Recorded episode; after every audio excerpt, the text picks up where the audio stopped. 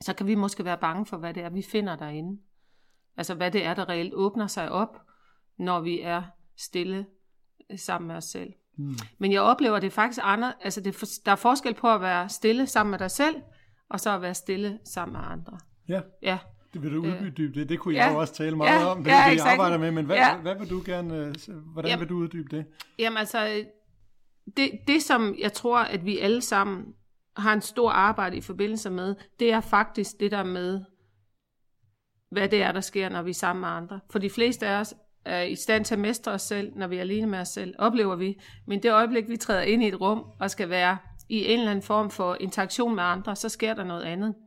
Det er jo hele det relationelle, der går i gang der. Øh, Og det er også det, der gør, når vi, vi er stille sammen, og vi sidder, og vi kan få nogle fornemmelser. Så, så altså, jeg tror, det handler om, at vi skal blive meget mere energiorienterede som mennesker. Altså, vi skal tale meget mere også om energi. Og det var faktisk også noget, jeg øh, hvad hedder det, begyndte at tale meget om i Kormi i, i- i slutningen, hvor jeg var der, og hvor vi blev enormt orienteret imod det her med energi, og den energi, som vi er i stand til at skabe sammen. Og jeg tror, at det er noget af det, som stillhed både kan øh, gøre os stærkere på, og, og, og kunne være orienteret imod, men også kan være med til at, at åbne op og forløse. Du lytter til 10 Stille, en podcast om stillhed og ledelse i et støjende erhvervsliv.